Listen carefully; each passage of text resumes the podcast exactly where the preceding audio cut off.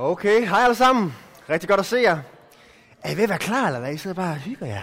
Man skal ikke hygge sig her. Okay, det skal man, det er godt. Er I klar? Nu øh, skal vi snakke om den sidste øh, gang her om Helligånden. Om den glemte Gud, som vi har kaldt det her i den her serie, hvor øh, vi jo påstår, at Helligånden lidt er den Gud, eller den person i treenigheden, som vi ikke taler så meget om. Og det har vi gerne vil gøre noget ved. Og har det været fedt? Snak om Helligånden? Okay, fint. Det er rigtig godt øh, nordjysk, det her. Ikke? På nordjysk er det rigtig, rigtig godt, det der. Det, så det er jeg glad for. Øh, I aften er det den sidste aften, øh, hvor vi så skal snakke om Helligåndens forvandling. At Helligånden forvandler også vores liv til, at vi burde leve nogle nye liv sammen. Og det, jeg synes selv, at det sjoveste i verden, det er, når man møder nogle mennesker, der virkelig har forvandlet sig hurtigt. Vi snakkede lige, øh, mig og en anden her før, om en, der var blevet klippet, hvor man ikke helt lige kunne genkende personen. Hvor man sådan, hvem er du? Kender jeg dig? Jeg har set dig før et eller andet sted, har jeg ikke det? Så er det bare fordi personen er gået fra at have langt hår til at være kort hår, eller et eller andet. Eller der var en her i kirken, en, øh, en dreng, hvis stemme var gået i overgang. Så hører jeg ham lige pludselig, og jeg bare sådan, wow, kommer bare, hey, hvad så? sådan en helt anden person har forandret sig helt vildt lige pludselig. Enormt sjovt. Og, øh, og det der med at for, forvandle sig og forandre sig, det kan man måske også godt lidt have lyst til, at man selv gjorde lidt nogle gange. Når jeg sådan lidt ser lidt indad, og jeg ser på mit eget liv, så vil jeg bare ønske nogle gange, at jeg var mere øh, glad, mere kærlig, øh, mindre selvisk, og så andre mere i stedet for bare mig selv. Ja, at jeg sådan var et bedre menneske. Og det tror jeg også, vi kan opleve som kristne, vi også har lyst til. Og som kristne har vi det her håb, at der er en, der hjælper os i det her. I at blive et bedre menneske, og det er Gud selv. Og hans navn her er Helligånden, der er her og som forvandler os. Og i dag der skal vi starte med at læse øh, lidt Bibel sammen, og så skal vi snakke en masse praktisk resten af tiden. Øhm, og en advarsel her på forhånd, det bliver sådan en noget udfordrende prædiken i aften. Og det er også godt en gang imellem. Så er jeg ligesom klar. Så spænd sikkerhedsbilledet, og øh, lad os tage Bibelen frem og lægge et fundament her i starten, og øh, læse noget omkring det her med forvandling. Så vi skal starte med at læse et sted fra Romerbrevet kapitel 8. Rigtig lækkert sted. Et af mine yndlingskapitler i Bibelen. Øh, så hvis jeg har Bibelen med, må jeg gerne slå op, og ellers så kommer det også herop på øh, PowerPoint, hvor øh, Paulus han lige har beskrevet, at Gud har sat os kristne fri. Og han starter det her kapitel med at sige, at så er der da ingen fordømmelse for dem, som er i Kristus Jesus. Ja, det er fedt. Der var en der, der kom fra et andet sted i Nordjylland. Det er nemlig noget, vi kan fejre, og vi burde være op og køre over, og vi burde poppe en champagne for at fejre, at Jesus han er opstået fra de døde, og der er ingen fordømmelse, og vi er sat fri, ikke også? Det burde vi virkelig fejre. Og Paulus han er op og køre over det her også. Og så er der noget, han siger i forlængelse af det her. Men det er bare lige vigtigt for os, at vi, vi forstår det her fundament, at det kommer ud fra friheden. Det kommer ud fra det der, fra korset. At han har købt os fri. At der er tilgivelse hos Jesus. Ikke ved, at du skal gøre en masse for at blive accepteret, men fordi han har gjort nok, og derfor er du accepteret. Han levede det liv, du burde have levet. Han tog den straf, du burde have haft. Og derfor kan vi være frie på grund af ham. Vi er frie. Vi skal ikke løbe op til et pres eller en præstation, som vi oplever i vores kultur, der er mega meget af. Sådan en præstationskultur. Vi er frie. Og så, siger Paulus det her, brødre, så skylder vi da ikke kødet at leve i lydighed mod det. Kødet, det er sådan Paulus' ord for det gamle jeg. Det er mig i mit kød, som har lyst til at gøre de forkerte ting. Og det skylder vi ingenting, siger han. Ingenting. For nu har vi fået et nyt liv. Og han fortsætter, vers 13. Hvis I lever i lydighed mod kødet, skal I dø. Men hvis I vil åndens hjælp, her har vi helligånden. Hvis I, hvis I vil hans hjælp, dræber lægemets skærninger. Sådan rimelig voldsomt. Kan I se det for jer? Han tager en kniv. Det er ikke sådan, at du skal gøre det på dig selv, vel? På kødet på den måde. Øhm, så skal I leve. Hvad er det, han mener her? Han mener at sætte en stopper for det gamle liv, for at leve det nye liv. Og det kan Helligånden hjælpe jer med. Hvis I går kødets vej, ondskabens vej, så ender I i død, siger Paulus. Fordi det er væk fra Gud, og Gud han er livet selv. Hvis du går den her vej væk fra Gud, så ender det i døden, væk fra ham. Den evige død, som Bibelen kalder helvede. Ikke? Væk fra Gud. Men Gud han står her. Kom til mig. Jeg vil give dig liv. Ikke? Det er det, Paulus siger. Og det fører også til et nyt liv ved åndens hjælp. Så det er et kald til jer, til hver enkelt af os i aften. Kom til Gud, træd ud. Han vil hjælpe dig. Han vil bakke dig op i at få et nyt liv. Paulus siger, for alle, som drives af Guds ånd, er Guds børn. Hvis du bliver drevet af Guds ånd, så nærmest hævet af ham, hen til alt det gode, så er det Guds barn. barn. Det, det er tegnet på det. At du vil det gode, at du går den gode retning. Så kan man se det på dig, på dit liv, at du er Guds barn. Ja, så det er noget, Paulus taler om her. Kan I se det? Noget med ånden hjælper os med et nyt liv. Og så lad os lige læse et sted mere i Bibelen sammen her. Og så lad os blive rigtig praktiske bagefter. Romerne 12. Nu springer vi nogle kapitler her i Romerbrevet. Det er også et rigtig lækkert vers. Det er meget kendt. I har nok hørt det før. Så formaner jeg, altså opmuntrer mega stærkt. Altså han tager sådan fat i skuldrene på dem og ryster og siger, hør nu efter. Ikke også? Jeg formaner jer, det er vigtigt det her. Brødre, altså mine medkristne, ved Guds barmhjertighed, altså det er en gave fra Gud det her, til at bringe jeres læmer som et levende og helligt offer, der er Gud til behag. Det skal være jeres åndelige gudstjeneste. Okay, så hvad er det for et offer, Gud vil have? Han vil gerne have et levende offer. At du lever dit liv for ham. Han vil have et helligt offer. Noget helligt, det er noget, der er adskilt. Noget, der er godt. Noget, der er rent. Og det skal være jeres åndelige gudstjeneste. Og her mener han ikke sådan gudstjenesten, som det vi har her, eller søndag formiddag. Han mener han faktisk det der med at tjene Gud, Guds tjeneste. Ligesom en gudstjeneste egentlig også burde være jo, vi tjener ham, eller er det Gud, der tjener os, Guds tjeneste? Eller er det begge dele? Men Paulus' pointe her i hvert fald, når vi læser grundteksten, det er, at han vil, at I skal tjene ham med jeres liv. Okay, og så det sidste vers. Er I stadig med? Her i Bibeldelen godt. Vers 2 her. Og tilpas jer ikke denne verden, men lad jer forvandle ved at sindet fornyes. Okay? Vi skal ikke tilpasse os verden. Det er nemt bare at følge med strømmen, ikke også? Gør som alle andre. Men vi skal i stedet for lade vores sind, vores tanker fornyes. Forvandles. Vi skal begynde at tænke anderledes. Jeg ved ikke, om I kan øh, genkende det i jeres eget liv, eller måske når jeg har set på folk, der er blevet kristne, at de begynder at tænke anderledes. Lige pludselig har de lyst til at læse deres bibel og komme i kirke og sådan ting. Jeg har lyst til at tænke over, hvordan kan man leve med Gud og sådan noget. Sådan tænker man ikke, hvis man ikke er kristen, vel? Ens tanker bliver anderledes. Så I kan skønne, hvad der er Guds vilje, det gode, som behager ham, det fuldkommende. Ja. Så vi har lyst til at gøre det gode. Vi har lyst til at ophøje ham med vores liv. Okay? Så pointen her, jeg prøver at hive frem fra Bibelen, det er, vi burde leve et nyt liv. Det er ret tydeligt i Bibelen. Det handler ikke om at bare tro på, at Gud findes. I Jakobs brev, der står der, øh, at selv dæmonerne tror på, at Gud findes. Det er ikke det, det handler om. Dæmonerne er jo ikke frelst, bare fordi de tror, at Gud findes. Det handler om, om du vil ham. Du elsker ham. Du tror på ham. Tror også tillid. At du går den vej med dit liv også. Okay, nu kommer der spørgsmål, du kan stille din sidemakker. Kan du selv genkende noget før og efter i dit liv med Gud? Hvordan er du blevet anderledes? Ja, prøv at spørge din sidemarker om det her.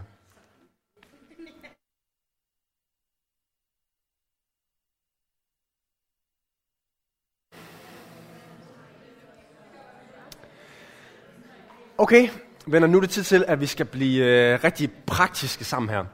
Og det kommer til at være sådan, at jeg kommer til at give øh, nogle udfordringer her i aften. Jeg kommer til at give 10 udfordringer, okay? Og man kan ikke huske 10 ting, og man kan ikke bare lige gøre noget ved 10 ting. Men man kan tage det med sig i hjertet måske, når man bliver mindet om det senere i livet eller et eller andet. Øhm, og vælge, vælge en ting i aften, og det skal I prøve at gøre. Hvad skal jeg sådan særligt gøre noget ved? Øh, for ligesom at gå den her retning. Lad mig bare lige understrege det en gang mere. Vi er sat fri. Vi går den nye retning, fordi det er frihed. Ikke for, at vi skal løbe op til noget, men fordi det rent faktisk er det gode liv, som vi tror på, at Gud giver os. Okay, er I klar på udfordringerne? Der kommer den første. Nummer et er bibellæsning. Og her vil jeg gerne øh, starte med at sende noget rundt man kan tage en bibellæseplan og sende den videre. Der er masser der, så man må gerne tage, man må også gerne tage to, hvis man tænker, at man kender en, der, gerne må, der godt kunne bruge en bibellæseplan. Øh, det er sådan en, der kan hjælpe en med at læse i Bibelen.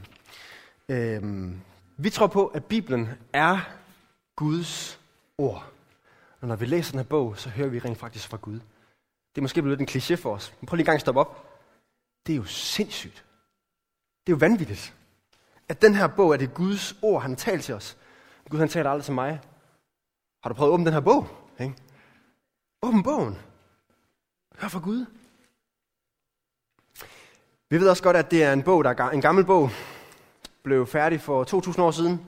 Den har været under en lang redigering i øh, over 1400 år. Der taget samlet den over 40 forfattere til Bibelen. Øh, fra forskellige kulturer. Der er både øh, bønder og konger og fiskere, der har været med til at skrive den her bog. Og nogle ting kan bare være svære at forholde sig til. Men vi tror på, at den her bog er levende og kan forvandle liv. Og jeg har bare set det i mit eget liv. Jeg har læst den her bog igennem årene, de 12 år, jeg nu har været kristen. Det har bare rykket noget. Det har det virkelig. Jeg kunne huske, da jeg blev kristen, og en af mine klassekammerater kommenterede det. Sagde, hvorfor er du lige pludselig flink, Rasmus? så kan jeg huske, at jeg, at, jeg, at jeg sagde noget med, jeg tror måske, det er, fordi jeg begynder at læse den her bog. Og den gør noget ved mig. øhm, den her bibellæsplan, den kan hjælpe os med at læse Bibelen. For jeg tror rigtig mange af os gerne vil det, men det kan bare være lidt svært. Den her bibellæsplan, den har 52 uger, det er et år, hvor man læser hele det nye testamente igennem. Det nye testamente handler om Jesus og kirken. Virkelig, virkelig godt sted at starte. Den er rigtig nice, fordi der er fem dage om ugen, man skal læse et kapitel. Det er faktisk ret nemt. Det tager under fem minutter at læse det der kapitel. Øhm, og der er to dage om ugen, du må misse. Det er altså ret nice. Det er overskueligt. Og skulle man misse lidt, måske misse tre gange om ugen, så kan man lige catch det op mandagen efter, hvor man lige læser to kapitler den dag. Fordi så meget tid tager det faktisk ikke. Meget overskueligt. Rigtig lækker. Man kommer det nyeste mænd igennem. Noget jeg også kan anbefale, det er, at man får en bibelmakker. Joachim og jeg, vi læser sammen. Ham den flotte fyr. Og øh, vi sender besked til hinanden øh, hver dag, hver morgen. Joachim han er kommet ind i sådan en rigtig god rutine. Han kommer hver morgen nu. Kører Joachim, det er fedt. øhm, og, øh, og så skriver vi bare lige sådan nogle, nogle, nogle korte linjer om, hvad vi lige sådan oplever i det her kapitel, der bare lige er fedt. Øh, så sender vi det til hinanden. Og så holder vi hinanden op på det på den måde for læst. Og så bliver vi faktisk også opmuntret. Jeg bliver tit opmuntret af det, Joachim han skriver. Ja, så det er en måde at gøre det på. At hjælpe hinanden. Det kan være, du tænker, jeg er ikke så meget til det der med at læse. Men det kan være, du lytter til podcast, eller til musik, eller du lytter til alt muligt andet. Du kan faktisk også lytte til Bibelen. Der er den app, der hedder Bibelen, sjov nok, som du kan downloade, hvor du kan gå ind og du kan høre Bibelen på hverdagsdansk, som det hele er indtalt. Det er så nice. Jeg tror også, det tager nogle ganske få minutter at høre et kapitel. Jeg ved ikke, 3-4 minutter, 5 minutter måske. Kan man gøre det i bussen eller på cyklen? Ja, det kunne da være rimelig nice. Ja, okay. Bibellæsning er virkelig godt. En udfordring til jer. Første udfordring, værsgo. Lad os være et folk, der læser i Bibelen sammen. Der prioriterer det. Der gør det her. Jeg tror på, det kan forvandle os. Vi kan høre fra Gud. Ja, det var den første udfordring. Den anden udfordring er bøn. Og den hænger jo sammen med bibellæsning, fordi når vi hører fra Gud igennem Bibelen, så kan vi svare Gud igennem bøn. Og jeg ved ikke med jer, men øh, når jeg hører en prædik om bøn, så bliver jeg altid sådan lidt, jeg får altid sådan lidt dårlig samvittighed, fordi man kan altid bede mere, er det ikke rigtigt? Men sådan, sådan skal det faktisk ikke være. Det skal mere være en glæde at blive mindet om, nå ja, jeg får lov til at snakke med min far. Og det er det vigtigste, jeg kan sige om bøn. Det er, det er at tale med far. Ligesom et barn, der kommer hen til sin far. Det skal ikke være formelt. Det skal ikke altid være mega i orden. Og det skal ikke altid være mega langt. Vi har det med at bede lange og flotte bønder, særligt når vi beder over for hinanden måske. Hvis man skal helt ærligt, kan det godt blive lidt performance nogle gange. Så stiller jeg bare spørgsmål. Hvad er bøn egentlig? Bøn er samtale med far. Bare at sige tingene, som det er til ham. Hej far, det er en mega skød dag i dag. Hej far, jeg synes, det er svært med min ven her. Vil du ikke hjælpe mig? Hej far, tusind tak for, at du har givet mig det her i dag.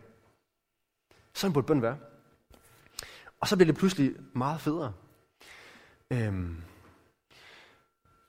Men alligevel er det som om, at vi godt kan bruge lidt hjælp til det. Og det, der er jeg bare med i klubben. Jeg har nogle metoder, jeg selv bruger for at øh, hjælpe mig med at bede. Jeg gør det i forbindelse med min øh, læseplan. Når jeg læser et stykke, så stopper jeg op og beder ud fra det bagefter. Jeg prøver at tage fat i én ting bare, som jeg lige skal tage med den dag. Og så siger jeg bare, Gud, tak fordi du har fortalt mig her, at du elsker mig, ligesom du elsker de her folk, eller hvad det nu er. Og så beder jeg ud fra det. Jeg beder for, at min ven her også må opleve og føle sig elsket af dig i dag. Grib ind i hans liv, eller hvad nu det er. Og det jeg så gør med min telefon er, at jeg skriver det faktisk ned. Det lærte jeg sådan særligt, da jeg øh, kørte rigtig meget tog til Aarhus til studiet. For der kunne jeg ikke bare lige sidde i øh, toget. Jesus, jeg beder dig om, at du må... Vel, det er lidt, lidt, lidt akavet. Så jeg tog min telefon og skrev i min note øh, mine bønder ned. Og det er sjovt, det har jeg faktisk holdt sådan, øh, ret meget fast ved siden. Og så jeg ikke tager tog så meget mere, fordi det hjælper mig bare med at holde fokus. Jeg kan nemt komme til at tænke på alt muligt andet. Det er en fugl. Eller sådan alt muligt. Men her hjælper det mig bare. Øhm, ja. Bøn er en gave. Jesus gjorde det. Han gik ud i ørkenen alene for at være sammen med sin far. Tidligt om morgenen. Det er også en god ting at gøre om morgenen. Der kan altid komme mega meget i vejen, hvis man har det om eftermiddagen eller om aften, bøn og bibel. Men om morgenen kan man altid lige stå 5-10 minutter før op. Okay, det er en challenge, jeg ved det godt. Specielt alle jer B-mennesker her. Ja, okay, lad os være et folk, der beder. Det er den anden udfordring. Den tredje, jeg vil sige, det er, hov, faste.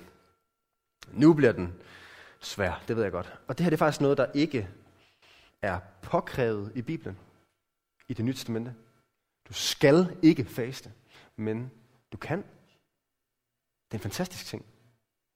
Faste er i Bibels forstand, at man faster fra mad. Øhm, og det kan man gøre nogle timer, en aften for eksempel. Det er måske et godt sted at starte. Det kan man gøre en dag, man kan gøre det to dage, man kan gøre det mange dage.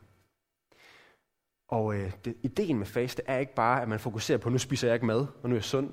Jeg ved godt, der var den der 5-2-kur, ikke også? Man begynder at snakke om faste som sådan en sund ting. Det er det også. Det er jo meget fedt. Men det er ikke det, det handler om i kristen forstand. Det handler om Gud. Det handler om bøn. Det handler om, i stedet for at bruge tid på mad, og have mit fokus på mad, så bruger jeg tid på Gud, og jeg har mit fokus på Gud. Jeg siger, Gud, du betyder mere for mig end mad. Jeg sulter efter dig, ligesom jeg sulter efter mad. Der er noget smukt, noget stærkt over det der. Og særligt noget over at gøre det i specielle situationer af sit liv, hvor man skal tage nogle øh, store beslutninger. Måske om studie, eller arbejde, eller kæreste, eller hvad ved jeg. Hvor du ved, det er en mega vigtig beslutning i mit liv. Der kan det altså være mega sejt at tage en aften, hvor du faster og beder, søger Gud. Ja. Okay, den er udfordrende. Den er god. Det kunne være fedt, hvis der er nogen af jer, der tænker, den skal jeg tage op, den der. Det skal jeg prøve. at faste. Og søge Gud. Og opleve noget særligt der. Godt. Nummer fire her, det er fællesskab. Og med det fællesskab, der mener jeg kristen fællesskab, jeg mener kirke. Bibelen er meget tydelig om, at du kan ikke være kristen alene. Det er i hvert fald ikke meningen. Meningen er, at vi er kristne sammen. At det er et fællesskab, det er en familie. Og vi har bare brug for hinanden, vi har brug for at vandre sammen. Alle undersøgelser viser, at folk, der bliver ved med at være kristne, og folk, der vokser i deres tro, det er på grund af kristne venner. Kristen fællesskab. Og det er så fedt at høre øh, flere af jer fortælle, jeg hørte også en før her fortælle, det der med at, at være en del af det her fællesskab, hvordan det har været med til at, at ændre hendes liv, hende jeg snakkede med før. Dagligstuen her er mega godt. Jeg elsker det bare selv, det må jeg bare sige. Jeg bliver fyldt på med alt det gode om med Gud. Jeg har bare lyst til at opmuntre til at blive ved med at komme her. Og til også at komme en kirke, i, i en kirke om søndagen, hvor det ikke kun er unge mennesker, det er virkelig godt at være unge mennesker. Det er fedt nok bare at kunne gøre det på vores måde og sådan noget nogle gange. Men der er også bare noget virkelig godt over at være sammen med resten af familien. Børn, gamle, alle aldre. Det er godt. Det er familie. Og de kan give os noget andet. Ja. Noget andet, der virkelig er godt, det er cellegruppe. Som vi jo hele tiden snakker om her i dagligstuen. Og som rigtig mange af jer er med i. Grupper, hvor man mødes hver anden uge og snakker øh, og deler liv, og deler tro, hvor er Gud hen i mit liv, hvad er svært, man beder sammen. Mega fedt. Og jeg var opmuntret jer, hvis du ikke er en del af en, en selvgruppe, så øh, kom og hiv fat i mig, så vil jeg mega gerne hjælpe dig. Vi har nogle virkelig nice selvgruppeledere, øh, som helt sikkert gerne vil have dig med i øh, deres gruppe. Og hvis du er med i en gruppe, men er sådan lidt, jeg ved ikke helt, det er fint nok, så har jeg bare lyst til at opmuntre, opmuntre dig og sige, jeg tror faktisk, det kan gøre en større forskel, end du lige tror. Og man kan godt tage hjem fra en aften fra cellegruppe, og ikke have følt en hel masse, men at det faktisk har gjort en stor forskel alligevel. At man har hørt en masse gode ting. Man har faktisk det liv. Man har faktisk været venner, der har været sammen. Og selvom det ikke lige var det vildeste op at køre, men at det, faktisk, det er faktisk godt. Så det har jeg bare lyst til at opmuntre jer til. Og så vil jeg også bare sige, kristne venner er sådan nogen, du virkelig er tæt på. Måske en, du bare virkelig er tæt på. Som du kan følges med. Måske endda have en ugenlig aftale med. Øhm, jeg snakker hver uge med Kasper Vestergaard, som jo er i Israel nu. Så nu skyper vi. Han er en af lederne her i dagligstuen. Og øh, det er bare fedt. Han kan holde mig op på nogle ting, som han ved om mig, som der ikke er helt vildt mange andre, der skal vide. Og det samme den anden vej. Vi kan være gode venner, der følges ad, og der opmutter hinanden i troen. Og det var bare fedt her sidst, vi snakkede sammen. Øh, der var begge to så det rimelig meget på at køre over vores venskab. Kender I det nogle gange, hvor bare sådan helt, hvor fast det er fedt det her, man. Gamle venner, og man kender bare hinanden, og man føler sig bare opmuntret, og lyst til at gøre en forskel, efter man har snakket sammen. Det der, det er godt. Ordsprogene spor i Bibelen siger, som jern sliber jern, sådan sliber venner hinanden. Hvad bliver du slebet til af dine venner? Har du kristne, gode kristne venner, der elsker Jesus? Hvis du gerne vil elske Jesus mere, så sørg for at have nogle venner, der elsker Jesus. Ja. Okay, fællesskab, prioriterer det. Det er også en udfordring. Den femte her er afholdenhed. Og det mener jeg mm, på en lidt anden måde end det med faste. Jeg mener det i forhold til øh, sådan nogle ting som druk, for eksempel. Hvor alkohol er en nice ting, og vin i Bibelen og øl faktisk nævnes som gode ting. Det ved jeg ikke, om I vidste. Jeg vil gerne komme og vise jer det bagefter. Bare kom. Øh, så det er nogle sjove steder. Øh, det er en gave for Gud, det tror vi på. Og det, det kan man godt nyde, og man kan hygge sig en aften, og selvfølgelig, ja, det er godt. Men det der med at drikke sig i hegnet, og øh, få blackout, og ende med ikke at kunne styre sig selv, og vågne op et eller andet sted, hvor man, det ikke lige var planen, og alle de der dårlige historier, der er. Det er ikke meningen. Paulus han siger meget tydeligt i Bibelen, drik jer ikke fulde, men lad jer fylde af ånden. Altså alt det gode, som vi snakker om før. Gå den vej i stedet for. Um, og afholde sig. Jeg ved godt, det er et lidt gammelt ord. Det er måske godt nok med lidt gamle ord en gang imellem. Ja, det er en udfordring i vores kultur. Jeg ved det godt. Det er også derfor, jeg nævner druk.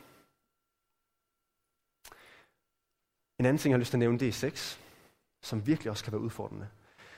Hvor vi som kristne er kaldet til at have sex, også på en bestemt måde, ligesom alkohol, der er en gave, når det bliver brugt på en bestemt måde, nemlig for sexes vedkommende i ægteskabets rammer, hvor det er en gave, en velsignelse.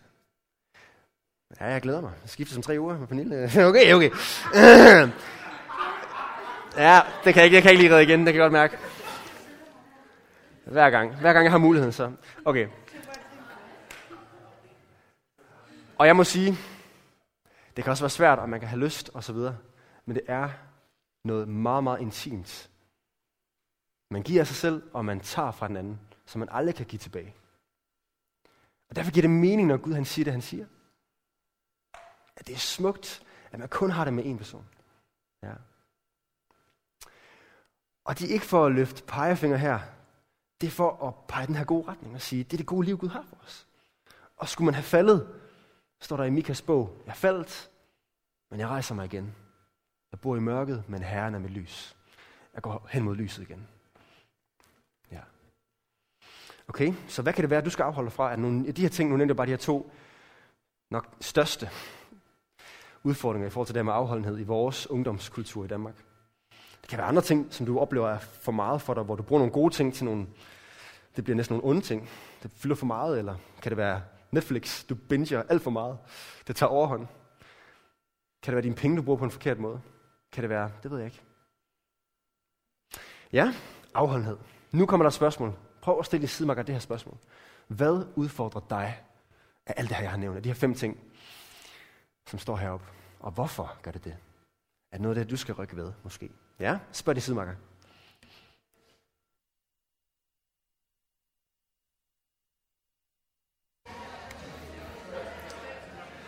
Okay, sæt dig til rette igen og spænd sikkerhedsselen, og så fortsætter vi nu her.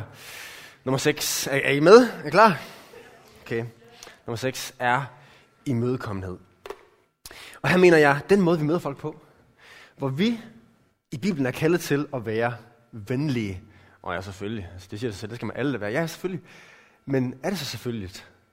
Jeg synes ofte, at vi øh, her i vores kultur for eksempel kan køre meget på hinanden øh, med vores humor have nedladende humor, Øh, hvor man egentlig ikke mener det. Og alligevel gør man det lidt, ikke også? Man kan faktisk sove hinanden mere, end man lige tror. Der er faktisk noget i Bibelen, øh, Paulus i Efeserbrevet, der, der taler om det. der siger, at vi ikke burde have sådan en form for snak, men vi burde have taksigelse, siger han. Ja, det er en måde i forhold til at imødekomme, hvordan møder folk os. Oplever de sig opmuntret? Eller kører vi på hinanden? Og det kan være alle steder. Det kan være her i kirken. Det kan være i supermarkedet. Er du glad der? Hvordan taler du til folk der? Øhm, hjælper du dem, der lige taber noget i supermarkedet? Er det den, der lige går hen og er nice og lige hjælper, hjælper personen med at tage tingene op? Er du den, der lige hilser? Den, der smiler? Wow, det smil kan gøre meget. Er det ikke rigtigt? Har I prøvet det, når der er lige en, der smiler til dig, man bliver sådan helt, kender vi hinanden? Eller? Øh, og så smiler man sådan lidt tilbage, og så går man lige sådan lidt glad bagefter. det er fedt. Øhm, og det er også her i kirken i forhold til øh, at tage imod nye her i dagligstuen, som ikke lige har været så meget, så meget før, og gå hen og være imødekommende over for dem. Er vi gode til det? At gå ud af vores komfortzone og sige hej til nogle nye. Øh, det er vi også kaldt til som kristne. At inkludere. Være imødekommende over for alle. Være venlige. Ja, og det er også i forhold til dem, som kan irritere os, hvor det kan være svært.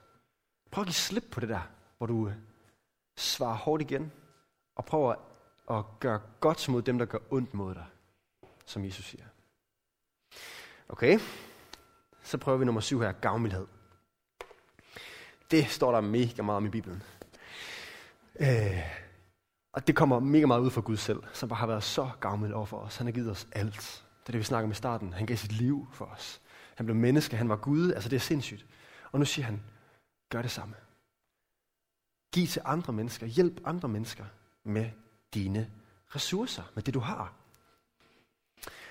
Er vi gavmilde over for hinanden? Hvis nogen af os mangler lidt penge, og man lige hører det, giver vi så til hinanden? Til spisning måske. Ej, jeg mangler lige der 25 kroner. Giver vi så det? Til at komme med på Brighter, som rigtig mange af os var af os her. Det giver jeg lige. Gør vi det der? Er I gavmild på jeres studie eller arbejde? Hvor I lige giver en frokost en gang imellem til jeres øh, kollegaer eller studiekammerater? Og hvad med her i kirken? Giver I til kirkens arbejde? Det er vi mega meget kaldet til i Bibelen. Det er meget tydeligt, at vi burde give til at være med til den her mission. Og til, der burde være nogen, der er ansatte, som særligt kan gøre noget for alt det her. Øhm. Bibelen taler meget om at give regelmæssigt igen og igen til at give offrene. Ikke bare lige give sådan en tiger, men giv noget, der måske også kan mærkes lidt. Giv noget godt. Og Gud vil velsigne det, også med glæde. For det er den tredje ting, at være en glad giver, taler Bibelen om. Ikke som en byrde, ikke som sådan noget, jeg skal, men som en vidunderlig ting. Tænker, jeg får lov til at være med til det her og gøre en forskel med mine penge. Så, noget af det, som vi også har nævnt en del gange her, er sådan en fast overførsel. Nu har vi lige nogle af os, der sad og snakker om, at vi er rigtig voksne, når vi snakker om alle vores bankoverførsler og sådan noget her før til aftensmad. Og øh, det er måske også lidt voksen, der snakker om det her. Men øh, det er også godt. Øh, nogen snakker om voksen point, ikke også? Faste overførsler. Det er rigtig godt. Øh, held for det. Faste overførsel til kirken. Hvorfor ikke lave det? Et trick her det er, at man kan få øh, penge tilbage af skat, hvis man skriver sit CPR-nummer i emnefeltet til menigheden her, hvis man er medlem af kirken. Det er smart. Så giver skat også penge tilbage. Så kan du give endnu flere penge. Det er fedt. Ja, hvis du har lyst til det, og du gerne vil have hjælp, så bare kom og se til. Det er mega nemt. Vi kan bare gå ind, sætte 200 kroner på om måneden, eller hvad det nu er. Bibelen taler, taler om, om uh, tiende. Det er sådan et princip fra Gamle Testamentet om at give hver tiende del. Det taler Nye Testamentet ikke så meget om, det taler mere om de her andre ting. At give en masse. Giv godt og glad og gerne. Tiende kan måske stadig være et sted, vi kan starte, være et gulv, men ikke et loft. Jeg tror også, der er noget, hvor vi skal lære at give mere og mere, som tiden går. Og blive mere og mere gavmilde. Og det gør, at vi ikke har mega meget os, der er studerende. Men så er det bare med at komme i gang. Hvis vi kan lære det nu, med de få midler, vi har nu, så bliver det nemmere senere. Ja, så hvordan går det med din gavmildhed? Der er sådan noget over, at folk, der giver meget, de er gladere. Er det ikke rigtigt? De der typer der. Held for at være sådan nogen. Okay, nummer 8 er gæstfrihed. Hvis du har et hjem, bruger du det så til at invitere folk med hjem? Det er mega vildt, hvad det der det kan betyde for folk. At komme med hjem, få et måltid mad, eller bare en kop kaffe. Og man deler liv der. Det er altså bare noget helt, helt særligt. Og måske særligt for dem, der godt kunne bruge noget mere venskab. Måske dem, som er ensomme. Bibelen taler helt vildt meget om det her, at være noget for de fremmede. Øhm, det bibelske ord for gæstfrihed er faktisk at elske fremmede. Så gør vi det. Flygtninge, faderløse, ensomme. Men også bare venner og studiekammerater. Bruger vi vores hjem som et sted, hvor folk kan komme og blive fyldt på? Ja. Det kan virkelig bare være et sted, hvor man også kan, kan komme sådan et skridt dybere med hinanden og snakke om tro. Ofte. Så hvis du har nogle venner, hvor du egentlig også godt gad at snakke lidt mere tro, så kan du invitere dem med hjem. Og så dele noget liv. Og så sker det tit af sig selv, når vi er kristne. For når vi deler liv, så deler vi også Jesus, der er vores liv tit. Ja. Og derfor så hænger det her også sammen med det næste, nemlig evangelisation. Alle sammen sige evangelisation. Det er så langt et ord. Og jeg valgte at tage det med her alligevel, fordi at, øh, jeg synes, det, er, det, det, har, det, det har noget godt. Det har en god historie. Det, har en, det her evangel, evangelie, det betyder jo de gode nyheder. Og det er det, det er, at vi fortæller de gode nyheder til folk. Det er evangelisation. Det er gode nyheder om Jesus. At vi fortæller om Jesus til andre. Ved dine studiekammerater eller dine kollegaer, at du er kristen? Deler du din tro med dem? Bringer du det nogensinde på banen? Og jeg ved, det kan være mega svært det her. Men noget, vi kan gøre for, at det kan være mere naturligt, det er det der med at holde det på sin egen banehalvdel. Øhm, når man deler liv, og man fortæller, hvad der sker i ens liv, så kan man jo bare fortælle, øh, jeg oplevede det her i mit liv, hvor øh, min mormor var syg, og så har vi bedt mega meget for det i vores familie. Og så blev hun rask. Og det var mega fedt, at hun bare blev rask. Ikke? Den der historie, den kan du sagtens fortælle uden at fortælle, at du bad. Men hvorfor ikke fortælle, at I også bad? Ikke? Og bring det med. Når, når det er på din egen banehalvdel, så er det ikke lige så farligt og offensivt. Og det kan virkelig være med til at give nogle snakke også. Øhm, noget andet det er også det der med sådan at lytte og spørge ind til andre. I stedet for bare selv at komme med alle dine gode argumenter i en diskussion om tro og sådan noget. Og det er jeg typen, der kan gøre ofte.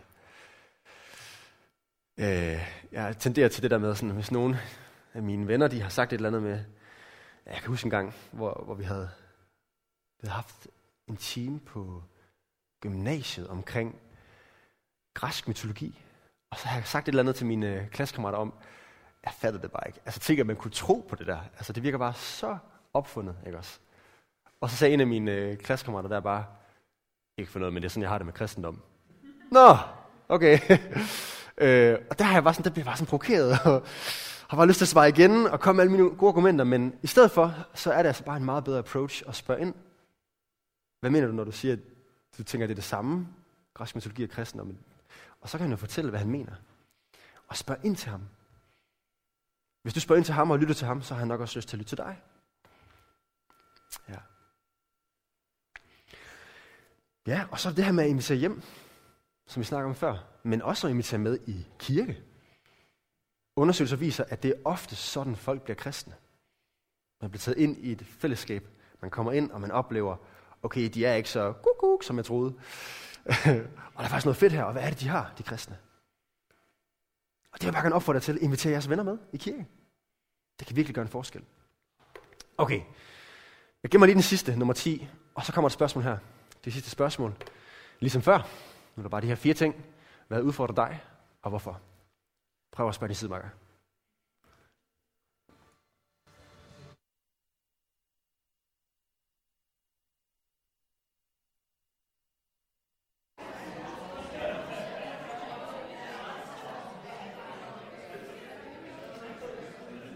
Okay, vi fortsætter her. Og øh, den tiende og sidste ting, jeg har lyst til at hive frem, det er global mission. Det er en rigtig stor ord, vi har frem, frem her i aften. Altså global over hele verden, og missionen, som er at fortælle om Jesus, så det er på en måde lidt det samme, som jeg snakker om før med evangelisation. Det er også lidt med gavmildhed at gøre, det kommer jeg til. Og, og hvad, altså, hvad er det her for noget? Det er, at der er faktisk mange i verden, der ikke har mulighed for at høre om Jesus. Dem kalder vi for de unåede folkegrupper. Øh, man kan godt finde nogle kristne i alle nationer, men folkegrupper er noget andet med deres eget sprog og etnicitet. Der er faktisk over 7.000 unåede folkegrupper ifølge det, der hedder Joshua Project. Det vil altså sige, at de har ingen mulighed for at høre Jesus. Og øh, der er masser af de her folk, er jeg overbevist om, der er klar til at tage imod Jesus. Så snart de får muligheden at høre om ham, der længes efter ham. Men ja, er der nogen, der kommer ud til dem? Det er måske sådan lidt modsat Danmark, ikke også? Hvor de fleste har hørt om Jesus, men ikke lige gider ham. Derud er det modsat. Skal de ikke have muligheden? Betyder det noget for dig? Brydes dit hjerte over det her, at de ikke har den mulighed? Har du lyst til at være med til at gøre noget ved det? Det har jeg i hvert fald, når jeg hører det her. Det kan ikke være rigtigt. Jeg elsker Jesus, han har reddet mig. At der er folk, der ikke har mulighed for det, de skal da høre om Jesus, mand. Øhm, og det er en global mission, som kirken med stort K har gang i. At fortælle resten af verden om Jesus. Øh, og det fede er, at vi kan faktisk gøre noget ved det. Ikke bare ved at øh, rejse ud og blive missionær. Det kunne være fedt, hvis der var nogen af jer, der har lyst til det. Bare give den gas. Rest of life derude. Det er nice, dem der gør det. Men vi kan faktisk også gøre det ved at støtte dem, der gør det. Det koster penge sådan noget. Øh, og der er nogle missionsorganisationer, der arbejder med det her. Og der er særligt en organisation, jeg har lyst til at hive frem i aften, og det er dem, der hedder Troens Bevis. Sådan lidt et sjovt navn. Det er bevis på, at troen er ægte. Det er det, de mener med det. Øh, verdens evangelisering. Øh, fordi at folk bliver kristne over hele verden. Det, det er et bevis på, at ja, Guds rige er levende. Og de gør en kæmpe forskel. De når ud til så mange mennesker. Prøv at se det her kort. Det var hele verden her, hvor øh, de arbejder i de her lande. Øh, det er norsk missionsorganisation, som også har en base i Danmark. De planter nye kirker. De træner nye præster. Og for få penge, der gør det bare en kæmpe forskel i Afrika, Mellemøsten, Asien. Øh, man taler om det her øh, vindue, øh, 2040-vindue, som er særligt Nordafrika, den muslimske verden, og over i Asien. Øhm, prøv at se her nogle tal. 1170 evangelister har de nu ansat over verden. De er i 19 lande. 574 nye introkursus-elever hver dag. Et tal fra sidste år. Det er sindssygt. Introkursus til kristendommen, sådan lidt alfa-agtigt, hvis nogen af kender det. Hvad er kristendommen? 174, 154 frelst dagligt igennem det introkursus. Altså som vælger, okay, jeg vil være kristen. Og for dem derude, der er det ikke bare sådan noget, okay, nu er jeg rigtig kristen. For derude, der, der er det sådan noget liv eller død ofte. Okay, jeg vender mig fra at være muslim til at blive kristen. Og det kan være, at jeg mister min familie på det. Voldsomt.